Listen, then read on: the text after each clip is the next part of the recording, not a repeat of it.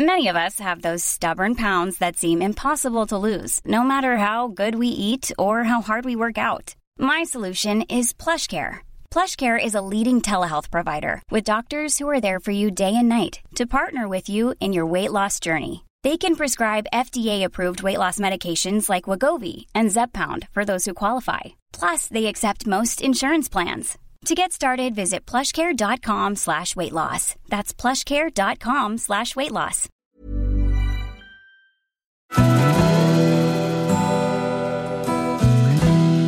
Välkommen till Stora relationsguiden.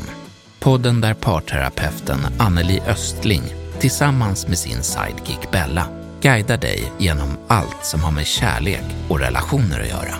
Följt av väl beprövade tips och råd.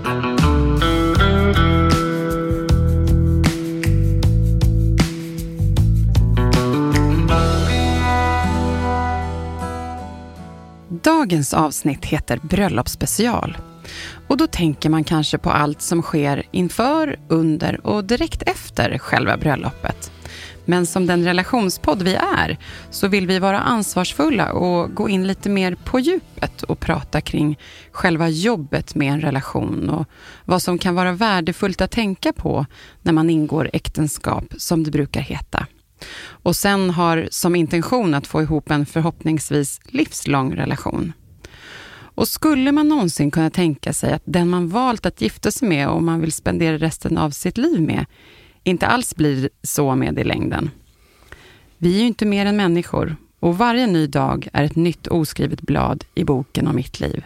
Lite så skulle man kanske kunna säga. Och idag, kära lyssnare, då gästas vi av en person som vet mycket om vad par upplever inför och efter att de tagit beslutet att gifta sig. Vilka frågor de ofta har och vanliga tankar som brukar finnas före, under och efter en vigsel. Vi har nämligen tagit hjälp av en pensionerad pastor som dels har mött par i de här situationerna, men som också har mött samma par och även andra efter att man ingått äktenskap i både glädje och sorg, så som livet kan vara. Det som kryddar till det lite extra här, eller mycket extra skulle jag vilja säga, det är att personen i fråga själv har erfarit både glädje i att gifta sig och också väldigt svåra stunder när saker inte blivit som man tänkt sig i sitt äktenskap och livet. Hej Svante Zettergren, varmt välkommen hit. Tack. Jättevälkommen. Ja. Mm -hmm. Vågar man påstå att du är en person som på ett öppet sätt, mer än de flesta andra, gått ut och pratat om och visat din sårbarhet, till och med offentligt? Alltså händelser i livet som många andra skulle kunna känna skam över och prata tyst om och hellre välja att sopa det hela under mattan och gå vidare. Ja, det tror jag. Eh, om jag tänker på alla kollegor jag har som har varit pastorer och präster så har jag nog haft som en ledstjärna att vara så uppriktig jag bara förmår i mm. allt jag gör. Den vanligaste formen är väl när man predikar och så. Och det har jag försökt alltid säga som jag tycker. Blandad framgång säkert. Men sen har jag ju också än mer offentligt då varit med i ett tv-program som eh, kom att handla om en period av mitt liv. Lite som ni sa förut, som både rymde det mest fantastiska och det mest fruktansvärda på en ganska kort tid. Mm. Mm. Ja, nej men jag tänker på det här. Vi vet ju här att du bland annat har medverkat i den djupt berörande intervjuserien När livet vänder med Anja Kontor, som är från 2014, mm. då du pratar om ditt liv och hur dina relationer har påverkats på vägen. Och inte minst relationen till dig själv. Hur har det påverkat dig? Alltså vilken respons har du fått ja, efter att du var med? Nej, jag fick ganska mycket respons från vänner runt sociala medier och så här.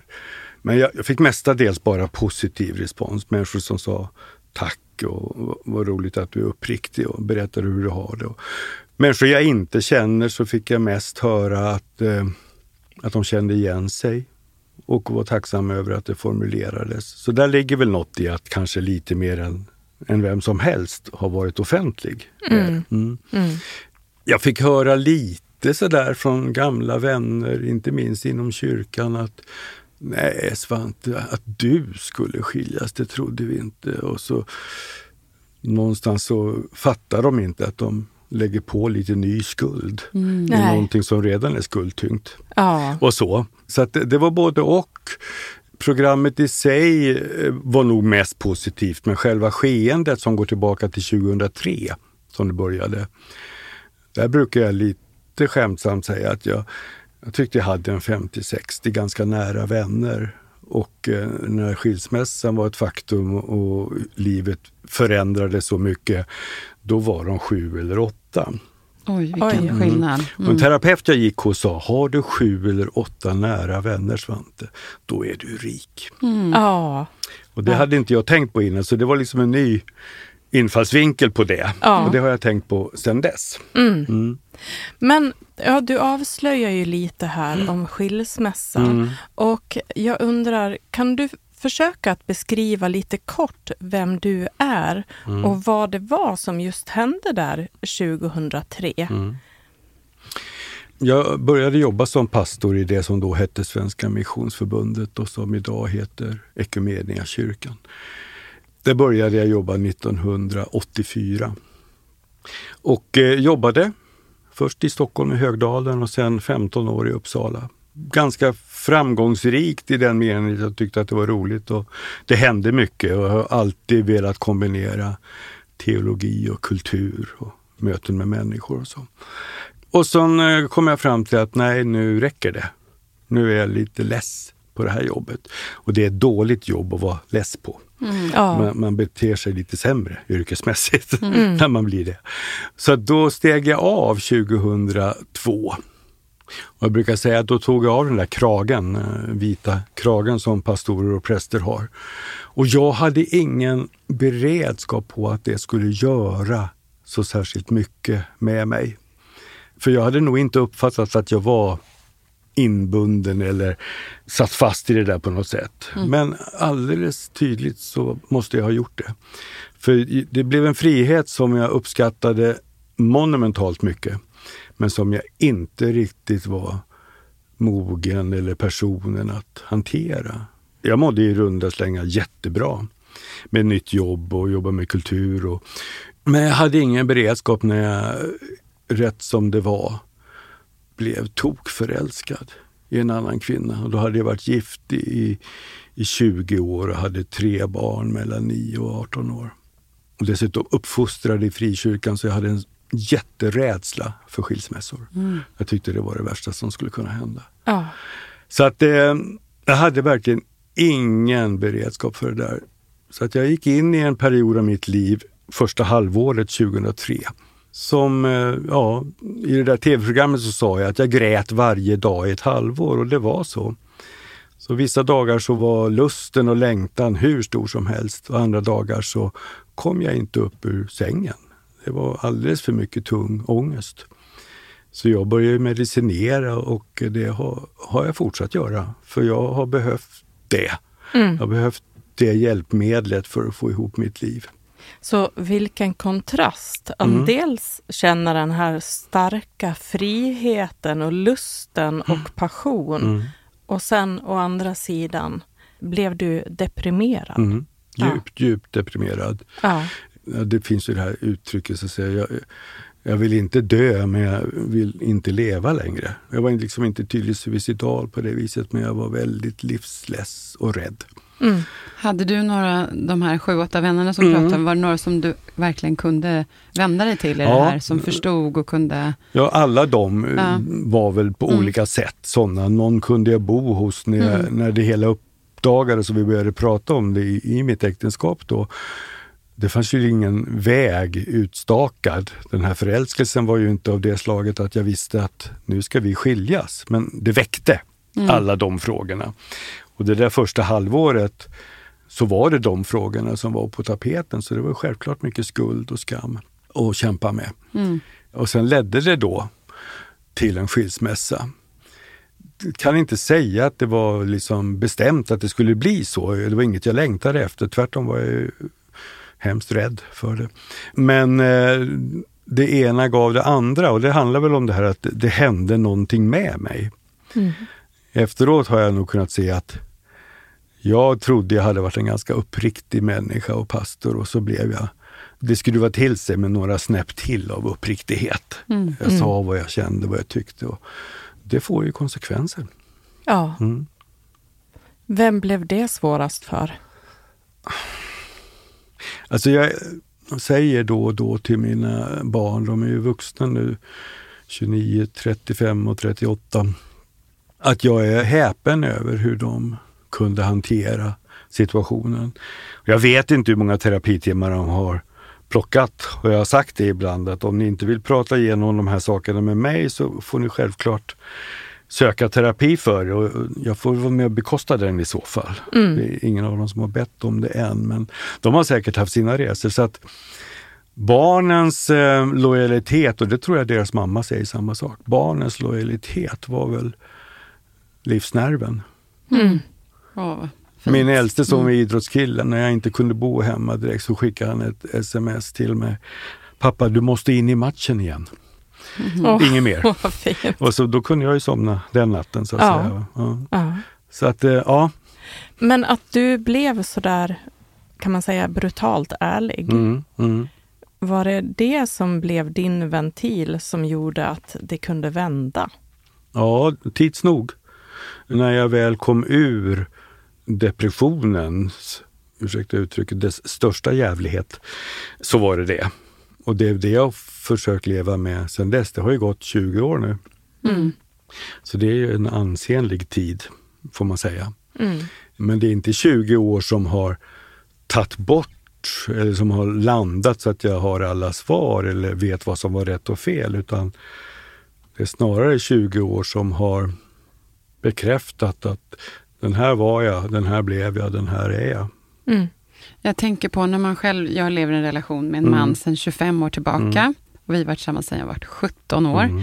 Och en av mina största skräcken är att egentligen kanske min man skulle komma hem och säga, jag blev kär i någon annan. Mm. För det kan ju mm. inte jag förändra. Nej. Eller att jag faktiskt också själv, mm. för jag mm. vill ju inte det här. Men då tänker jag också med den bakgrunden du hade, var du kom ifrån, mm. måste ju varit så, här, mm. så många fler lager, ännu mm. starkare um, att hantera de här rädslan inför vad man går in i eller kommer gå vidare till. Man vet ju att man kommer klara och överleva det här, antagligen.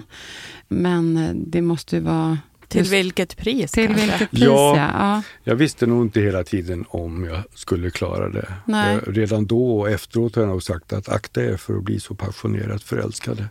Det är inte värt det. Eh, Vem sa du det till? Ja, det kan jag säga i andra offentliga ja. sammanhang idag, så att ja. säga, om jag återberättar från dess. För det, jag önskar egentligen ingen, det är ingen självklar resa, mm. att man kommer igenom det. Det är det inte. Sen är ju bilden av vem man är i ett äktenskap och när det sen spricker. Många hade ju en bild av att, en enkel bild, Svante blev kär i en annan kvinna och så skildes han.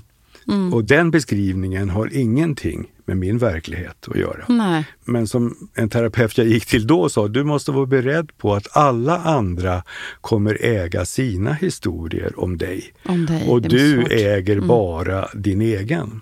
Mm. Och det har jag försökt jobba med då hela tiden. Ja. Och, och, det har jag ju märkt också. Mm. Folk säger förutfattat, en det ena än det andra. Men också det här med, vi ska prata bröllop i vidare ja, mening också, så att säga. Ja. Det här att en kyrklig pålaga, mm. äktenskapet som någonting som kyrkan historiskt sett är den starkaste företrädaren för. och så här. Det var absolut inte enkelt. Jag kunde få mejl från någon som sa, men Svante, du, varför har du mått så dåligt? Du har ju din tro eller så här. Mm. Jag har mest bara blivit arg då, men försökt hantera det genom att säga, ja, vi kan tycka olika, du och mm. jag. Och så. Hade du den bilden klar då? vad du stod i det? Ja, eller? det hade jag. Det hade du? Ja, det hade jag. Så att du hade tillåtit dig ja. som människa? Mm, att... det hade jag. Och ja. Så att jag, på det viset blev jag inte skuldtyngd. Nej. Faktiskt. Att livet kan bli sånt att det kan ta slut. Jag hade haft ett stort antal vixlar mm. innan här så att säga. Och Så det hade jag en ganska hög medvetenhet om. Jag vill ju ändå påstå att jag gick ju in i mitt första äktenskap i en oerhört stark vilja och förväntan av att det skulle hålla Mm. för alltid. Ja. Precis som jag utgår från att alla jag pratar med som ska gifta sig, Mm. att de gör. Och så ser inte verkligheten ut så. Nej, det kan hända något Mm, på vägen. mm, kan. Mm. Ja. Men du, mot slutet av det här avsnittet idag så har ju du också lovat att berätta hur allting eh, fortlöpte Mm, och hur mm. du har det idag. Mm. Med eh, äktenskap och eh, relationer och hur du har utvecklats av det här.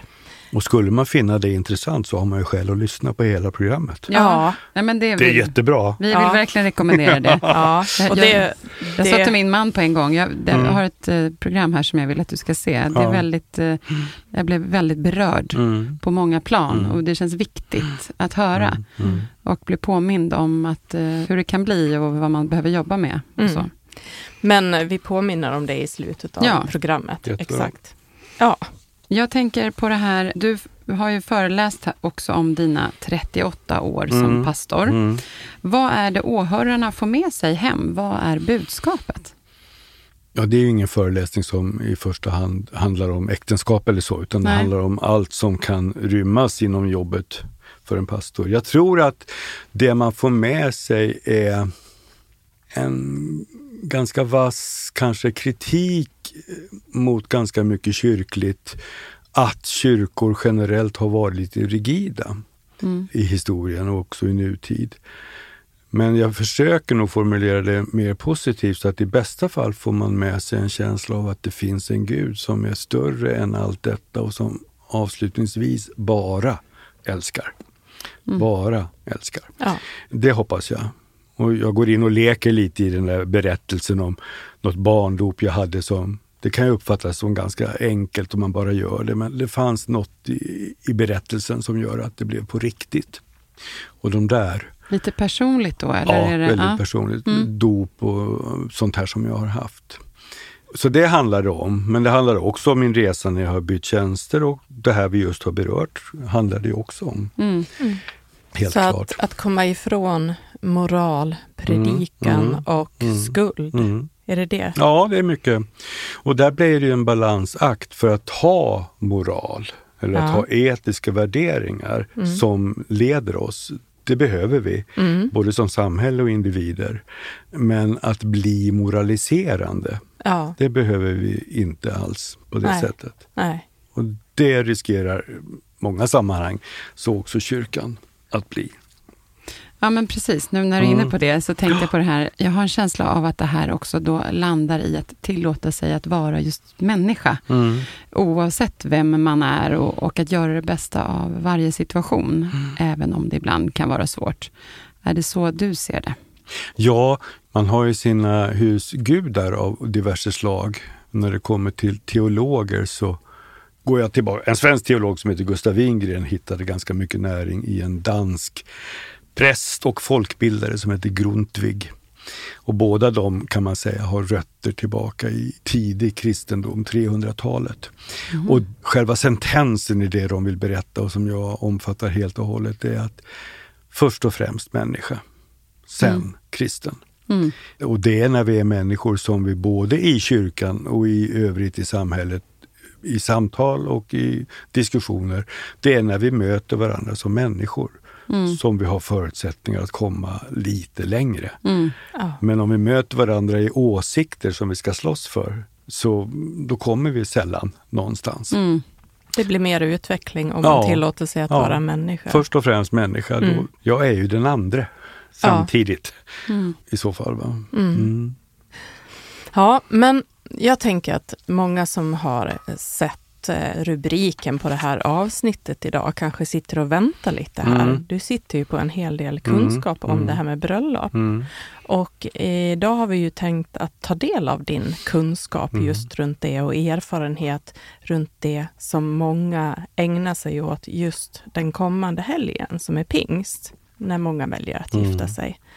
Varför gifter vi oss, Svante? Ja, i den bästa av världar så gifter vi oss för att vi älskar varandra och för att vi tror och vill leva med varandra hela livet eller så länge det går eller åtminstone länge, länge. För det är svårt att sätta gränserna. Men att vi gifter oss i pingst så mycket, det är på sitt sätt lite märkligt för pingsten kallas ju för hänryckningens tid. Det är då den heliga anden blommar ut i kyrkans berättelser. Mm. Och det blir liksom glatt och gränsöverskridande. Ja. Så det är ju det, hänryckningen som gör att vixlar har hamnat just i pingsthelgen. Ja. Och sen är det ju en, en naturfråga det är lättast att få ihop de vackra blommorna och ja. allt annat ja, då. Så är det ju också. Ja. Nej, men jag tror... får, jag, får jag rycka in där mm, mm. lite i folkmun? Mm. Hänryckningen, mm. hur skulle man kunna översätta det? På Nej, men alltså, de bibelberättelser som finns kring pingsten, det handlar ju då om att lärjungarna går där och är lite molokna minst sagt, för Jesus har dött och sen har han mm. uppstått, men ändå lämnat. Och så går det förbi lite folk från olika delar av världen i Jerusalemtrakten och de hör sitt eget språk talas. Och det är för att de här lärjungarna, de är hänryckta i sin nya upplevelse av, av vem Gud är och hur det talar till dem. Mm. Så de börjar prata språk som de inte kan. Mm. Medan folk som går förbi känner igen sitt språk. Så det här, det finns ju ett epitet och tungotal och annat, så det här är ju jättesvårt eller rent av rappakalja för många. Mm. mm. Men grejen är att hitta språk som gör att man kan kommunicera. Mm. Det finns en gammaltestamentlig historia som ligger bakom, nämligen när språkförbistringen kommer med Babels torn. Mm. Efter den berättelsen, som är långt, långt tidigare, så talar inte människorna språk så att de förstår varandra längre. Och det kan vi ju känna igen i mm. all historieskrivning. Pingsten vill berätta att oj, nu pratar vi språk så att vi förstår varandra. Då tänker jag genast på kärleken har inget språk. Inget språk övergriper allt detta. Ja, ja, så är det ja. Så därför har det blivit pingsthelgen tror mm. jag. Mm. Okay. Men sen, eh, ja generellt gifter sig väl folk för att de... Det är en ganska ny pålag att man gifter sig av kärlek. Så såg det inte ut för 200 år sedan. Nej, just det. Det har du rätt i. Utan då var det ju föräldrar eller gårdar som bestämde sig att han och hon ja. ska vara ett par. Mm. Och i bästa fall utvecklades det en, kärlek ömsesidig, men långt ifrån alltid. Så det är ju en ganska modern företeelse som lite riskerar att kanske ta bort lite av ett annat allvar i att skapa en gemensam relation. Mm. För att eh, kärlek är ju också ett eh, småflyktigt mm. sätt ibland att leva och mm. förändras gör det ju hur som helst. Mm. Så det är inte bara att oj, vi är så kära i varandra, låt oss gå och gifta oss. Nej. Utan det måste ju också handla om, kan du och jag berika varandras liv så att livet kan bli lite större för fler? Mm. Oavsett ja. om det kommer in barn eller inte. Och fungera ja. tillsammans. Ja. Men Får jag flika in med en grej? Mm. För nu kommer jag på en egen upplevd sak. Mm. Som är att eh, min man har alltid varit mycket mer vad ska man säga, traditionell kanske och han mer redo för att skaffa mm. barn och han vill mm. gifta sig. Så han hintade om att han ville att vi du vet, skulle gifta oss och sådär. Mm. Och jag var så men jag vet att jag vet inte om jag någonsin kommer vilja gifta Nej. mig. I min familj, alla som har gift sig har skilt sig. Mm. Alla förutom ett par i ja. hela liksom. Ja. Och jag har inte hört så mycket om hur kärleken var så härlig mm. mellan de här mm. paren innan de skilde sig heller. Nej. Och så sa jag så här, men det kanske handlar om, jag är lite rädd för att som att man har en, håller fast en fågel i handen och mm. den inte kan flyga. Mm. Det enda den vill göra är flyga. Mm. Så är det det som är att ha en ring på fingret, att nu ska vi vara ihop för alltid, därför kanske man inte kommer vilja det, utan jag mm. vill välja varje dag mm. att vara med dig. För jag var lite rädd för det, för jag mm. ville leva hela mitt liv med honom. Men sen så skulle han eh, ändå fria till mig. Mm, och jag mm. kände det där lite på mig när vi var på väg och sådär. Mm. Ska du fria idag? För jag, du vet att jag inte vill gifta mig. Mm. och, sen så, och så friade han i alla fall. Och då, och då kände jag så här, kan man säga nej till ett frieri till mm, exempel? Men då sa jag på restaurangen, mitt framför massa andra människor, så att, nej, det var, det var bara han och jag, men ändå, så sa jag, nej för nu, men ja för alltid. Jag vet inte om jag kommer vilja gifta mig någonsin, men jag vet att jag vill alltid vara med dig. Och sen efteråt när jag liksom berättade det här för vänner och så, så var de så men du kan ju inte säga nej. Om du vill vara vad är det för, mm, mm. kan du inte bara säga ja? Mm. Och då funderar jag på det här, så här är det, hur vanligt är det? Har, har, du stött på som pastor att folk har ångrat sig kanske, eller att eh, sådär, att eh, är alla alltid säkra när de går och gifter sig? Eh, Tänk att du kanske också haft samtal med människor, Ja. inte bara inför In- ett bröllop. nej, jag det har jag ju både och Mm. haft så att säga. Men inför ett bröllop så har jag ju oftast två, tre längre träffar som rör innehållet, som rör vad vill ni med varandra. Jag frågar alltid, vad ser du hos honom? Vad ser du hos henne? Och förväntar ni er? Alltså det jag tror, det jag tycker att du gjorde helt rätt i, det är att en vigsel utan en ömsesidighet kommer aldrig fungera. Alltså Nej. man måste hitta den gemensamheten. Mm. Och den kan te sig olika. Man kanske då bestämmer sig för att det finns lite egenheter hos oss bägge två. Visst, det får vi leva med, men den här gemensamma ytan tycker vi är så stark och värd så mycket så vi vill gifta oss. Och sen vet vi att vi förändras också över tid. Mm. Och då tror jag just att jämställdheten, att vi är två om det här.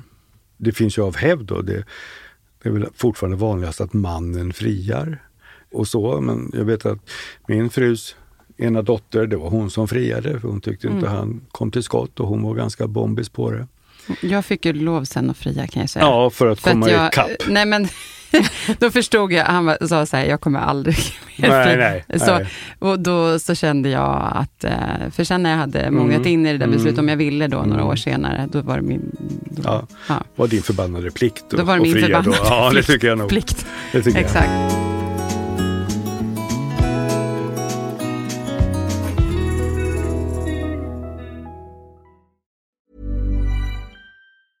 Hey, it's Ryan Reynolds, and I'm here with Keith, co star of my upcoming film, If, only in theaters, May 17th. Do you want to tell people the big news?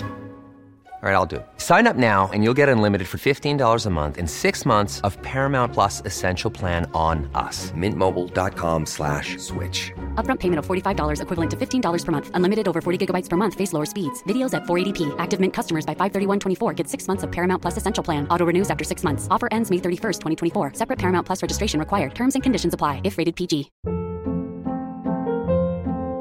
Hold up. What was that? Boring. No flavor. That was as bad as those leftovers you ate all week. Kiki Palmer here, and it's time to say hello to something fresh and guilt-free. Hello Fresh. Jazz up dinner with pecan-crusted chicken or garlic butter shrimp scampi. Now that's music to my mouth. Hello Fresh. Let's get this dinner party started. Discover all the delicious possibilities at hellofresh.com.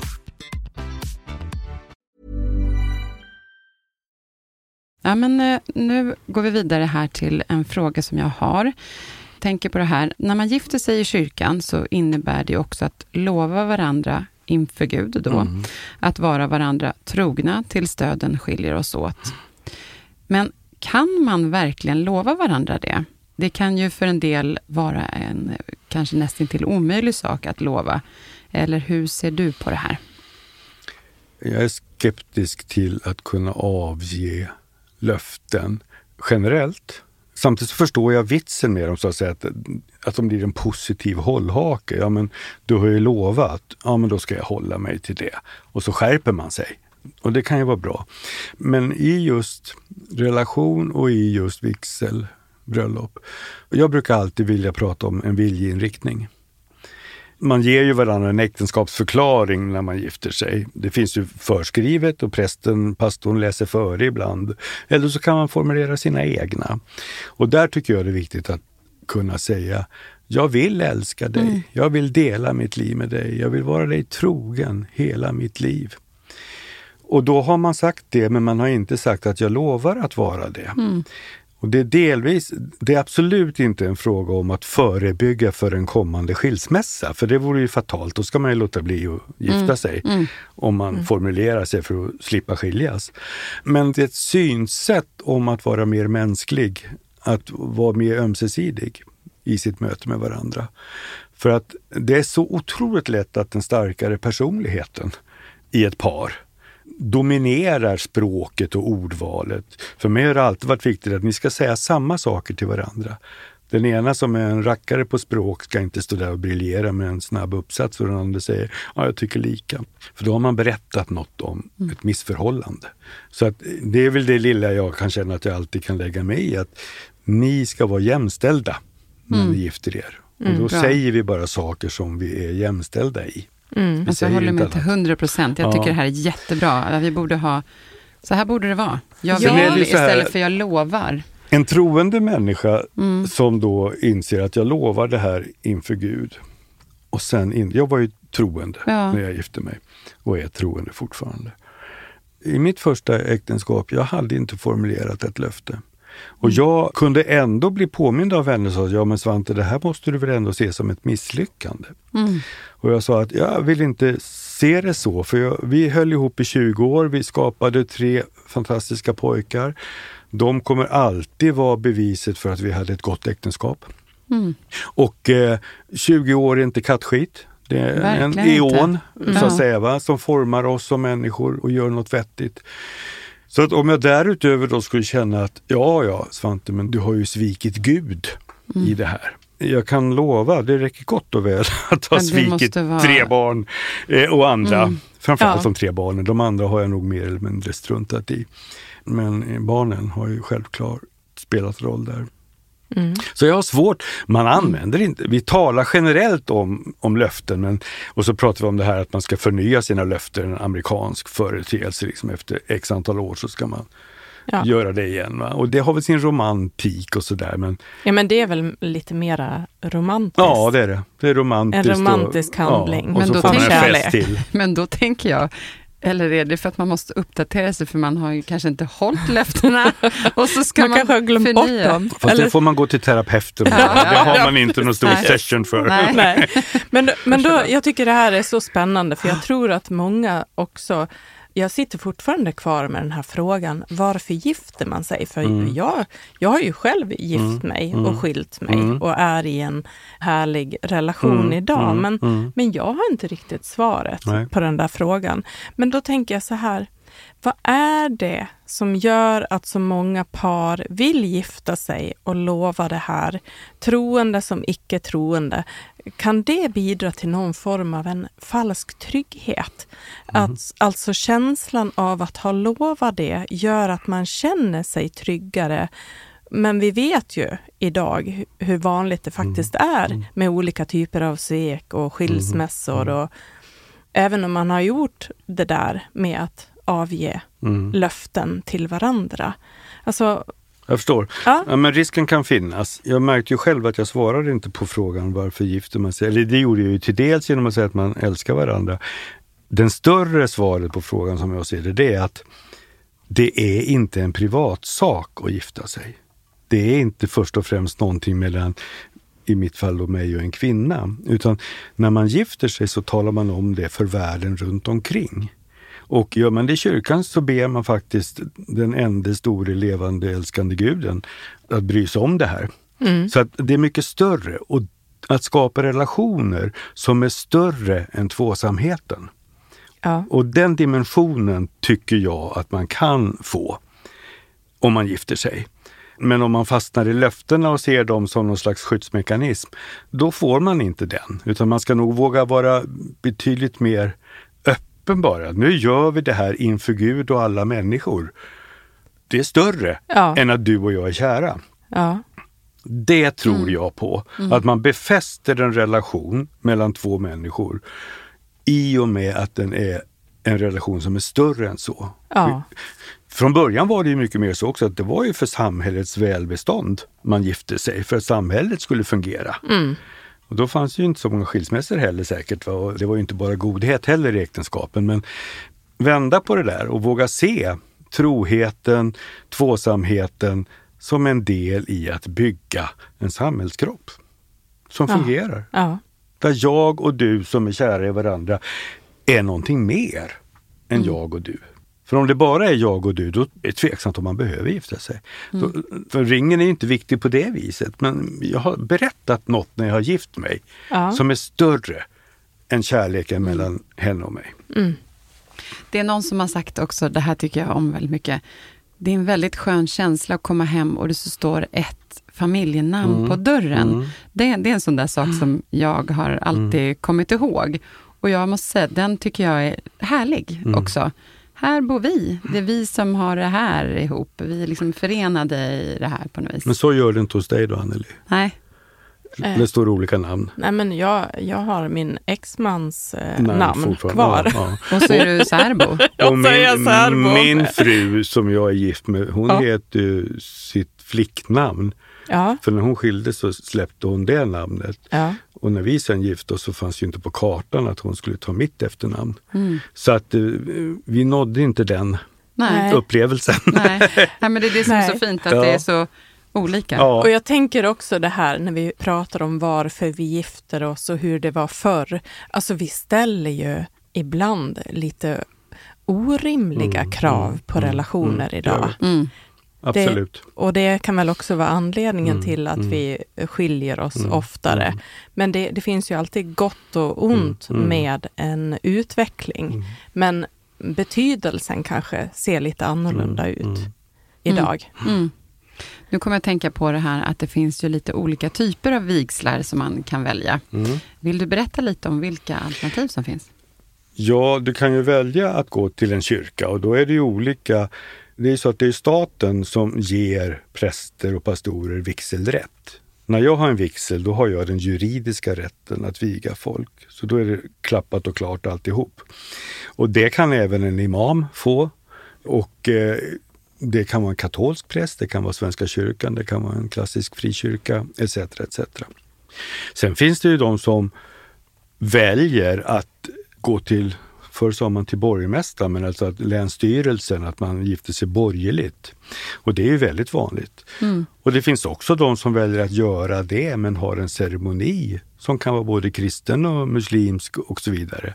Men man, man, Det visste inte jag. Jag har då, tänkt på. Jag Mm. har ju vänner som har, som har gift sig och den som har hållit i vigseln är inte pastor, har ingen vigselrätt, men håller en vigsel som man vill ha. Och innan de hamnade där så var de ju hos borgmästaren så att säga. Ja, du menar åt det ja, hållet, ja. ja. Så Mm. den juridiska biten sköter man på ett håll och så om man vill göra en ceremoni, en celebration, så sköter man det på ett annat håll. Precis som man vill. Ja, Ja. och vi som då har fått vigselrätt från staten, våra samfund och kyrkor, då blir det allt i ett. Mm.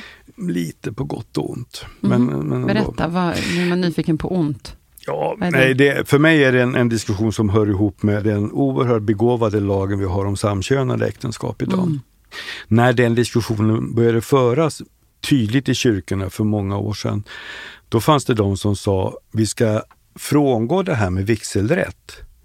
För vigselrätten är ju en statlig företeelse och den gör ju att jag, jag ska vara beredd att viga de som vill gifta sig. Mm. Då är det faktiskt svårt att säga nej om det kommer ett homosexuellt par. Mm. Nu när lagen ser ut som den gör. Men då skulle man ju komma undan det genom att man inte hade med juridiken att göra. Och eh, i princip tycker jag att kyrkan ska inte ha med juridiken att göra. Man ska göra bra ceremonier för människor. Mm. Men om argumentet att ta bort det juridiska är att komma undan samkönade äktenskap så är jag väldigt konservativ och tycker att det är klart vi ska ha kvar juridiken så att det gäller samkönade såväl som inte. Ja, Alla som vill gifta sig. Ja. Ja, alla jag som vill tänker att sig. ska Ja. inte kyrkan också ta emot alla? Jo, det, men det finns ju de då i alla kyrkor och samfund som menar sig ha belägg för det utifrån Bibelns berättelse eller kyrkans historia eller en egen åsikt eller vad som helst. Att det skulle vara fel med kärleken och äktenskapet mellan eh, två män till exempel, eller två kvinnor. Mm. Och det är ju en strid, får man lov att säga, för där blir man osams. Ja, och det, det känns otroligt omodernt. Ja, det gör det, gör. Så att man... eh, Men, men eh, likväl Ja. är den där så att säga. Mm. Då kommer nästa fråga här. Hur skulle man kunna förbereda sig inför äktenskap? Alltså då tänker jag på det här som ungefär som att ta körkort för att få köra bil. Finns det något där som du skulle önska för att par ska vara mer förberedda för äktenskapet? För att vara mer medvetna om vad det kommer att innebära och för att kanske kunna lyckas också långsiktigt. Ja, jag höll på att säga nej. Mm. Eh, Ja. För mig är det viktigt att de här samtalen man ska ha, de får inte bara handla om hur man ska stå och när man ska sätta sig ner och när man ska säga det eller det. Utan de måste ju handla om hur man ser på varandra och vad har fört oss hit och så vidare. Eh, jag förstår tanken, men jag tror nog egentligen inte på den, för den riskerar att bli lite stalinistisk. Att någon annan ska tala om, så här ska din kärlek se ut, eller det här ska du ha upplevt för att klara av det. Körkort är jättebra, det ska man ha för att få köra bil. Men, men, men jag får hoppas att de här samtalen, och det blir ju en fråga för präster och pastorer, alltså att föra så pass djuplodande samtal men det finns alltid en risk att man blir moraliserande och talar om för människor som har sagt att de älskar varandra att så här ska eran kärlek uttryckas. Det är för mig Ja. fatalt. Men jag faktiskt. tycker ändå att jag har upplevt människor under mitt liv som har sagt, varit så här, och den här prästen eller pastorn Mm. som vi hade sa så bra saker. Det här ska vi Mm. verkligen bära Mm. med oss hela livet. Mm. Som verkligen gett avtryck. Det är tycker jättebra. Jag, det är jättebra. Mm, Eh, annars så har, kan man ju gå till parterapeuter i Ja, efterhand ja. om Ja, det inte ja. går vägen. Och det kan ju bli Men, både och. Ja, exakt. En bra pastor är inte alltid tillräckligt för att det ska Nej. hålla heller. Nej. Nej, men jag tror att man, uppriktigheten då som vi pratade om tidigt i relation till var och en av oss, handlar det också om. Och vad förväntar vi oss? Vad vill vi? Mm. Det kan ju visa sig när man sitter och pratar om en vigselförrätt. Som det är så vill ju den ena, Nej, men här ska vi sjunga det och det och den andra säger varför ska vi göra det? Och så sångval kan leda till att man faktiskt för ett samtal om Mm, vad är innehållet Ja. i, Ja. våran, Ja. i vår relation och vem ska bestämma vad och Ja. så vidare och så vidare. Mm. Men kan man som pastor eller präst påverka hur en vigsel ska bli? Alltså, vad kan ni göra som kan påverka resultatet och upplevelsen? Mhm. Har man nå- någon sån ambition som pastor eller präst eller ska man överhuvudtaget tänka på det? Alltså, jag har alltid haft en ambition att själva samtalen och själva vigseln ska bli så Ja, att man bär med sig den sen. Jag brukar leka med tanken att det, risken är med en vigsel i kyrkan att den blir så otroligt högtidlig. Och det är lite svåra ord och så här. Och då har jag alltid sagt att vi måste kunna mixa vardaglighet och helighet Ja. i samma ögonblick. Sagt. Ett exempel är så enkelt, vi- vi är vana vid att man säger att tager du denna att älska henne i nöd och lust. Och det är ett klassiskt uttryck då. va? Jag har alltid föreslagit att jag ska säga, tager du henne och alltid vill älska henne. Mm, Och då blir ordet fint. Alltid, blir liksom, ja, ja men det är ju det vi menar. Och jag brukar säga nöd och lust, ja nöd drabbas vi kanske inte av, lust får vi vara tacksamma men det blir inte alltid så lustfyllt som vi ville eller trodde. Mm. Men all tid, det är ju all tid. Mm. Så att jag tror att språkval och ordval kan påverka innehållet så att minnet blir bra på många sätt. Ja.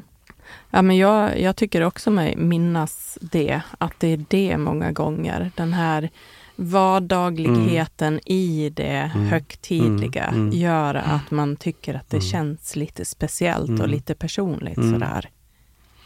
Ja, och det handlar ju om att, utan att tappa Ja. glansen så ska man få ner det. Ja. Jag vet en vigsel jag hade, de hade slarvat med det här, vem som skulle, vad de skulle säga till varandra. Så att han tappade det de hade kommit överens om. Och rätt som det så började han prata om att ja, och dina leriga stövlar ska stå utanför våran dörr och så här. Och hon bara tittar på honom och hon tittar på mig. Men det fanns en god essens i det Ja. han ville ha sagt. Ja. Det är just det där att eh, uppleva livet Ja, tillsammans. ja, precis. Mm, vad Ja, fint. jag vet att när jag gifte mig så hade vi en präst, vi gifte oss i Västerås Mm. och, eh, och han såg ut lite som Einstein, Mm, sådär med mm. yvigt grått hår och, och han var väldigt speciell och sen när han skulle börja vigseln så hade han vänt det här eh, vigselprogrammet upp och ner och det blev så tydligt för alla i kyrkan att, att han såg inte vad det stod Nej, nej. när han kom på att han skulle vända på bladet. Det här var ju en sån här händelse Mm, som man mm. kommer ihåg. Ja. Det var underbart. Då slappnade det av Mm. Ja, Ja, verkligen. Men du, hur många är det som tar äktenskapet på allvar då? Alltså allt det här Ja. är ju utifrån din erfarenhet. Eller om jag frågar så här istället, har du mött många som du upplever inte tar äktenskapet på stort allvar? Som du har mött. Jag tänker att ja, Mm. men det är människor som kommer. Den ena är si och den andra är så. Nej, jag har inte mött, på rak arm kan jag inte erinra mig en man eller kvinna som inte har tagit det på allvar. Men däremot så är man 19-20 år så är man ju vid ett skede i sitt liv. Ja. Och är man eh, som jag när jag gifte mig andra gången, jag kom ju dit sen också i berättelsen då, så, så var jag ju eh, över 50 Ja. och så. Va? Och då är man ju en annan människa. Mm. Och, och, eh, så att jag har nog svårt att se att man inte tar det på allvar, men man gör det kanske på lite olika sätt. Ja. Det tror jag. Bra sagt. Eh, Och det måste man få göra. Ja. Tillbaka till människa först. Mm. Ja. Mm. Nu tänkte jag att jag skulle gå in på det här. Du har ju också berättat om vad du tidigare brukade erbjuda par som beslutat sig för att skiljas. Mm. Vill ja, nu berätta- växlar vi Ja, nu snabbt Ja, det det. gör Ja, vi. nu går vi Det över är som livet. Ja, men jag är så himla nyfiken på att Ja. höra din historia här Ja. också, så jag växlar framåt. Men, eh, Nej, men jag, det handlar om, när man som jag då har jobbat i en frikyrka, man lär känna sina medlemmar väldigt mycket. Man ser dem inte bara på en gudstjänst kanske. Och, och så har jag mött par då som har ja, gått i parterapi, har samtalat om sitt liv och, och kanske då kommer fram till att nej, men vårt äktenskap håller inte. Och så har man den gemensamma erfarenheten att de har gift sig i kyrkan och allt det här. Och då har jag vid flera tillfällen frågat om de skulle vilja, tillbaka till det här med vardaglighet och högtidlighet, om de skulle vilja hitta en ceremoni för att säga tack min Gud för vad som varit. Och läser man till exempel, då, vilket jag har gjort de gånger vi har haft det här, ifrån Predikarens tredje kapitel, där författaren talar om allting har sin tid. Att älska har sin, att hata har sitt, att bryta upp har sin och så vidare. Va? Eh, En fantastisk text. Och eh, vid två tillfällen så har jag fått göra det här och då har vi haft en liten andakt i samband med att de har kommit fram till att de ska skiljas. alltså, jag tycker det här är så spännande. Jag skulle Några verkligen gånger- vilja uppleva det. Alltså, Ja. ja. Du ska inte skiljas bara därför Nej, jag, tycker jag. jag. tänker, jag tänker att någon annan kan skiljas. Ska Ja, precis. Ska du rekommendera rekommendera? Ja. Och några gånger så har, har jag erbjudit eller vi har samtalat om det och då har den ena sagt att nej, det tycker jag känns jättedumt. Och då är det väldigt självklart att säga, då struntar vi i det. Mm. Men om båda tycker att det kan vara fint så kan det vara ytterligare ett avstamp. Mm. I kyrkans språk så handlar det om att be om Guds välsignelse för det som varit och tacka för det som varit och be om Guds välsignelse för det som kommer. Mm. För risken med kyrkan är att när skilsmässan kommer, och med många, så upphör välsignelsen eller den goda tilltalet. Alltså, då har man svikit. Ja, man har svikit någon Ja. eller några. Och det där, ja, jag tycker det är, det är också ett sätt att lyfta fram kyrkans djupaste budskap. Mm. Alltså att det handlar om kärlek, oavsett hur livet ter sig.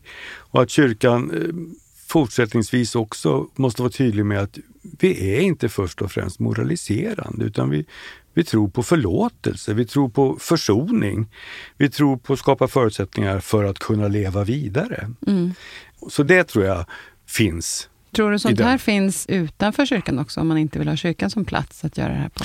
Det borde det kunna göra. Jag kan tänka mig att parterapeuter skulle kunna säga, nu är ni framme vid ett Ja. gemensamt beslut. Ja. Ska vi ta en fika runt det här eller vill ni formulera några ord för att tacka för det ni har haft?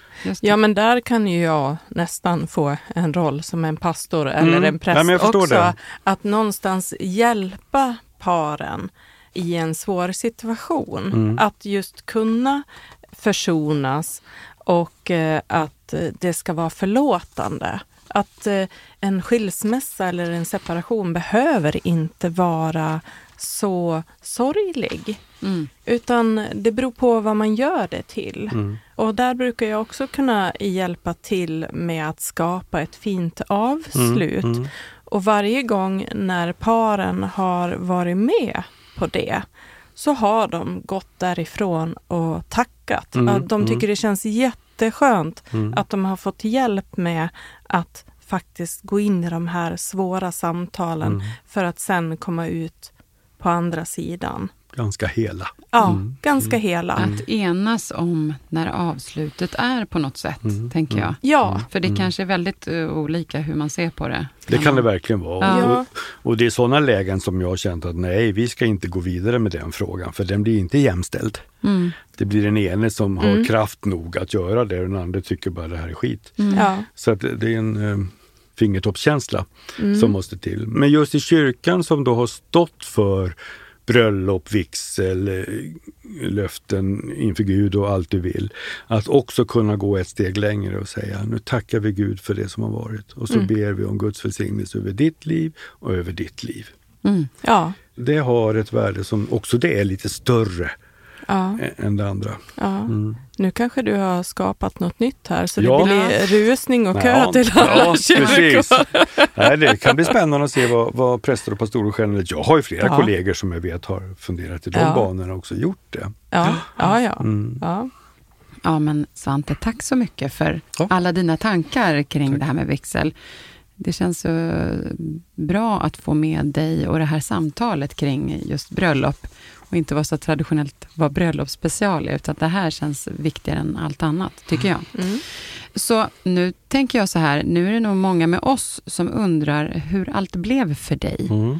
Vill du berätta och dela den här historien? Så vi- Ja, 2003 då så blev det ett uppbrott. Och eh, en av konsekvenserna av det jag gick igenom som rörde passion och depression var skilsmässan. Men det var ju många andra konsekvenser. Det var inte det som var målet eller så på något vis. Och den kvinna jag hade blivit så väldigt förälskad i, vi- fortsatte med varandra och eh, har nu i sommar varit ett par i 20 år. Och Ja, det är lika länge som du då Ja, lika länge. Ja. tillsammans med din Ja, med, första med, fru. ja, precis så. Mm. Och eh, vi pratar om det ibland hemma. Och eh, hon har något år kvar innan hon har varit lika länge Mm. med mig eller så. Och sen har vi varit gifta i 12 år. Vi bodde särbos i de första sju åren för vi tyckte att barnen hade nog drabbats tillräckligt. Mm.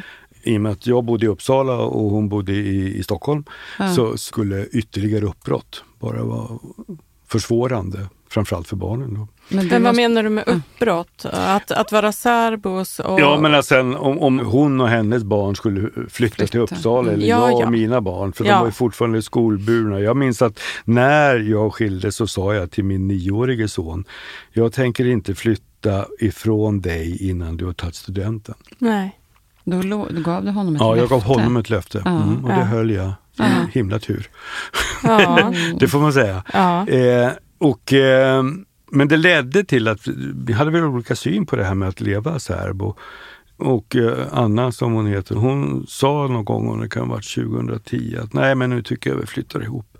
Det var inte riktigt, jag var inte där då fullt ut. Jag hade ju startat egen firma, skulle börja frilansa och så här. Så berättade jag det för min mellanson då. Att, eh, åh, vet ni, jag har ju startat firman, jag vet inte hur jag ska göra. Och han tittade på mig och sa, är du helt dum i huvudet? ja, då sa jag, ja, men, att du har startat firma har väl inget med saken att göra. Det är ju jättelarvigt. Det är klart att om Anna vill och du vill så ska ni flytta ihop nu. Ja, vad skönt Ja. att få hans Ja, välsignelse ja, ja, det. fullt Ja. ut och även ett mått av kritik i det också. Så att vi flyttade ihop 2010, vi gifte oss 2011. Och det var fascinerande att få göra det som vuxen med erfarenheten av både depression och passion och, och skilsmässa och allt detta. Men får jag fråga innan du går vidare Mm. det, hur, det måste varit så många lager här av som det här uppbrottet Mm. och depressionen och passionen, men sen också en, du säger ett långt lidande, nu sätter jag verkligen Mm, mm. jag säger inte att det säkert inte var så, men, men också under sju år att inte få vara med Mm, varandra. mm. Ni fick verkligen längta och vänta. Ja, det var en stor frustration. Ja, Mm, frustration. så. Ja. Och jag tror att Anna mer än jag var nära att säga så här, men då, då skiter vi i det här. Mm. För att eh, det var plågsamt. Det kostar ju att skiljas också. Och Mm. att då skapa ett nytt liv på en inkomst, det är en massa svårigheter som kommer med det. Mm.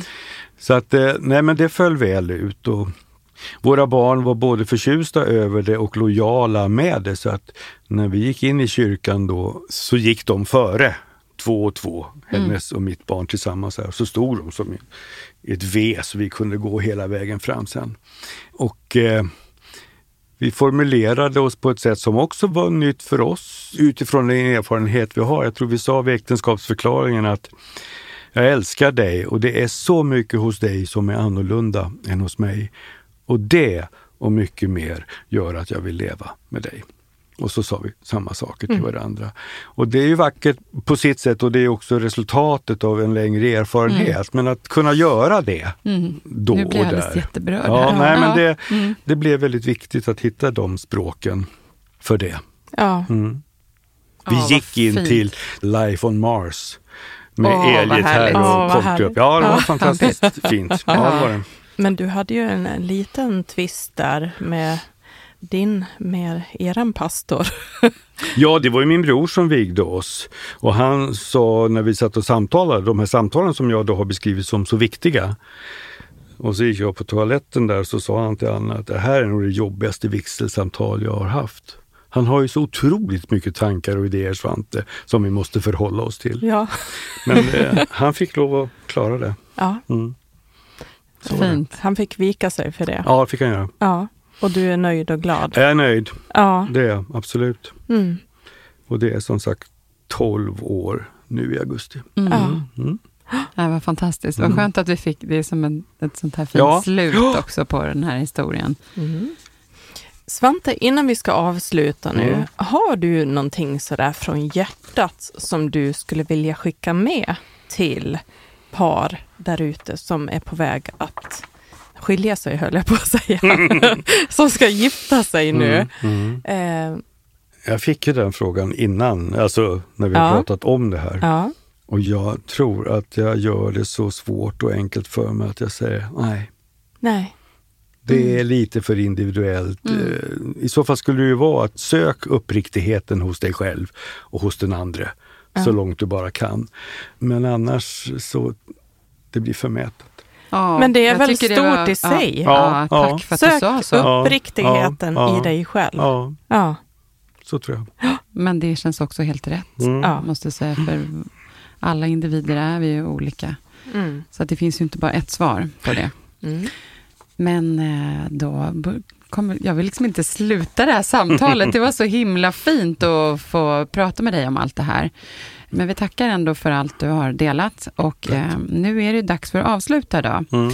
Så vi önskar alla par där ute som ska gifta sig lycka till. Mm. Men glöm inte också, nu citerar jag dig här ändå som Svante sa tidigare, att komma nära vardaglighet utan att förlora högtidlighet. Den är väldigt härlig. Mm. Det var därför kan jag säga som jag mm. friade till min man på en skitig tisdag. Ja, titta där. kan vara så bra. Ja, ja. ja, verkligen. Och sen så, vi vill också tipsa om att man då kan gå in i nu en vecka fram från mm. att det här avsnittet släpps, att eh, se på SVT Play eh, och höra hela Svantes eh, historia på SVT Play, som sagt, i När livet vänder, säsong två, avsnitt åtta. Stämmer. Det kan jag och Anneli verkligen rekommendera. Mm. Med Anja Kontor. Mm. Precis. Så stort tack för idag, Svante, och för allt du delat med dig av. Det känns så fint och viktigt att få ha dig här idag. Tack så mycket. Mm, tack. Mm. Innan vi avslutar helt för idag så ska jag berätta vad som nästa avsnitt kommer handla om. Jo, då ska vi nämligen prata om snart semester igen och hur vill vi ha det i år? Jo, då ska vi alltså prata kring vad man kan behöva tänka på inför och under semestern för att få det så bra ihop som man kan. Och det är vanligt att det kan bli en del kanske skav och gnissel mellan par på semestern. Så välkommen tillbaka nästa vecka, så ska du få med dig lite bra tips som man kan ta med sig inför att det ska planeras in och sen spenderas en lång och förhoppningsvis härlig semester ihop. Så varför inte hjälpa sig själv att försöka få det så bra man kan? Den där semestern brukar ju vara efterlängtad som sagt. Och vi vill att ni ska få njuta av den tillsammans såklart. Och så säger jag tack till våra lyssnare och stort tack till Jens som är vår producent och klippare från Stray Dog Studios. Och tack såklart också Anneli. Vi hörs nästa vecka igen. Det gör vi.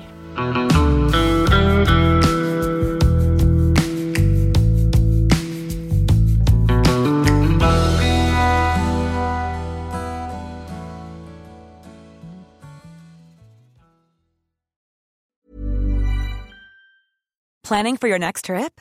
Elevate your travel style with Quince. Quince has all the jet setting essentials you'll want for your next getaway, like European linen premium luggage options, buttery soft Italian leather bags, and so much more. And is all priced at 50 to 80% less than similar brands.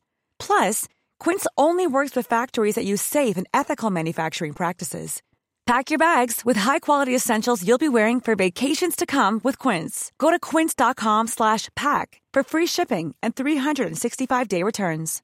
Hi, I'm Daniel, founder of Pretty Litter. Cats and cat owners deserve better than any old-fashioned litter. That's why I teamed up with scientists and veterinarians to create Pretty Litter. Its innovative crystal formula has superior odor control and weighs up to 80% less than clay litter. Pretty Litter even monitors health by changing colors to help detect early signs of potential illness. It's the world's smartest kitty litter.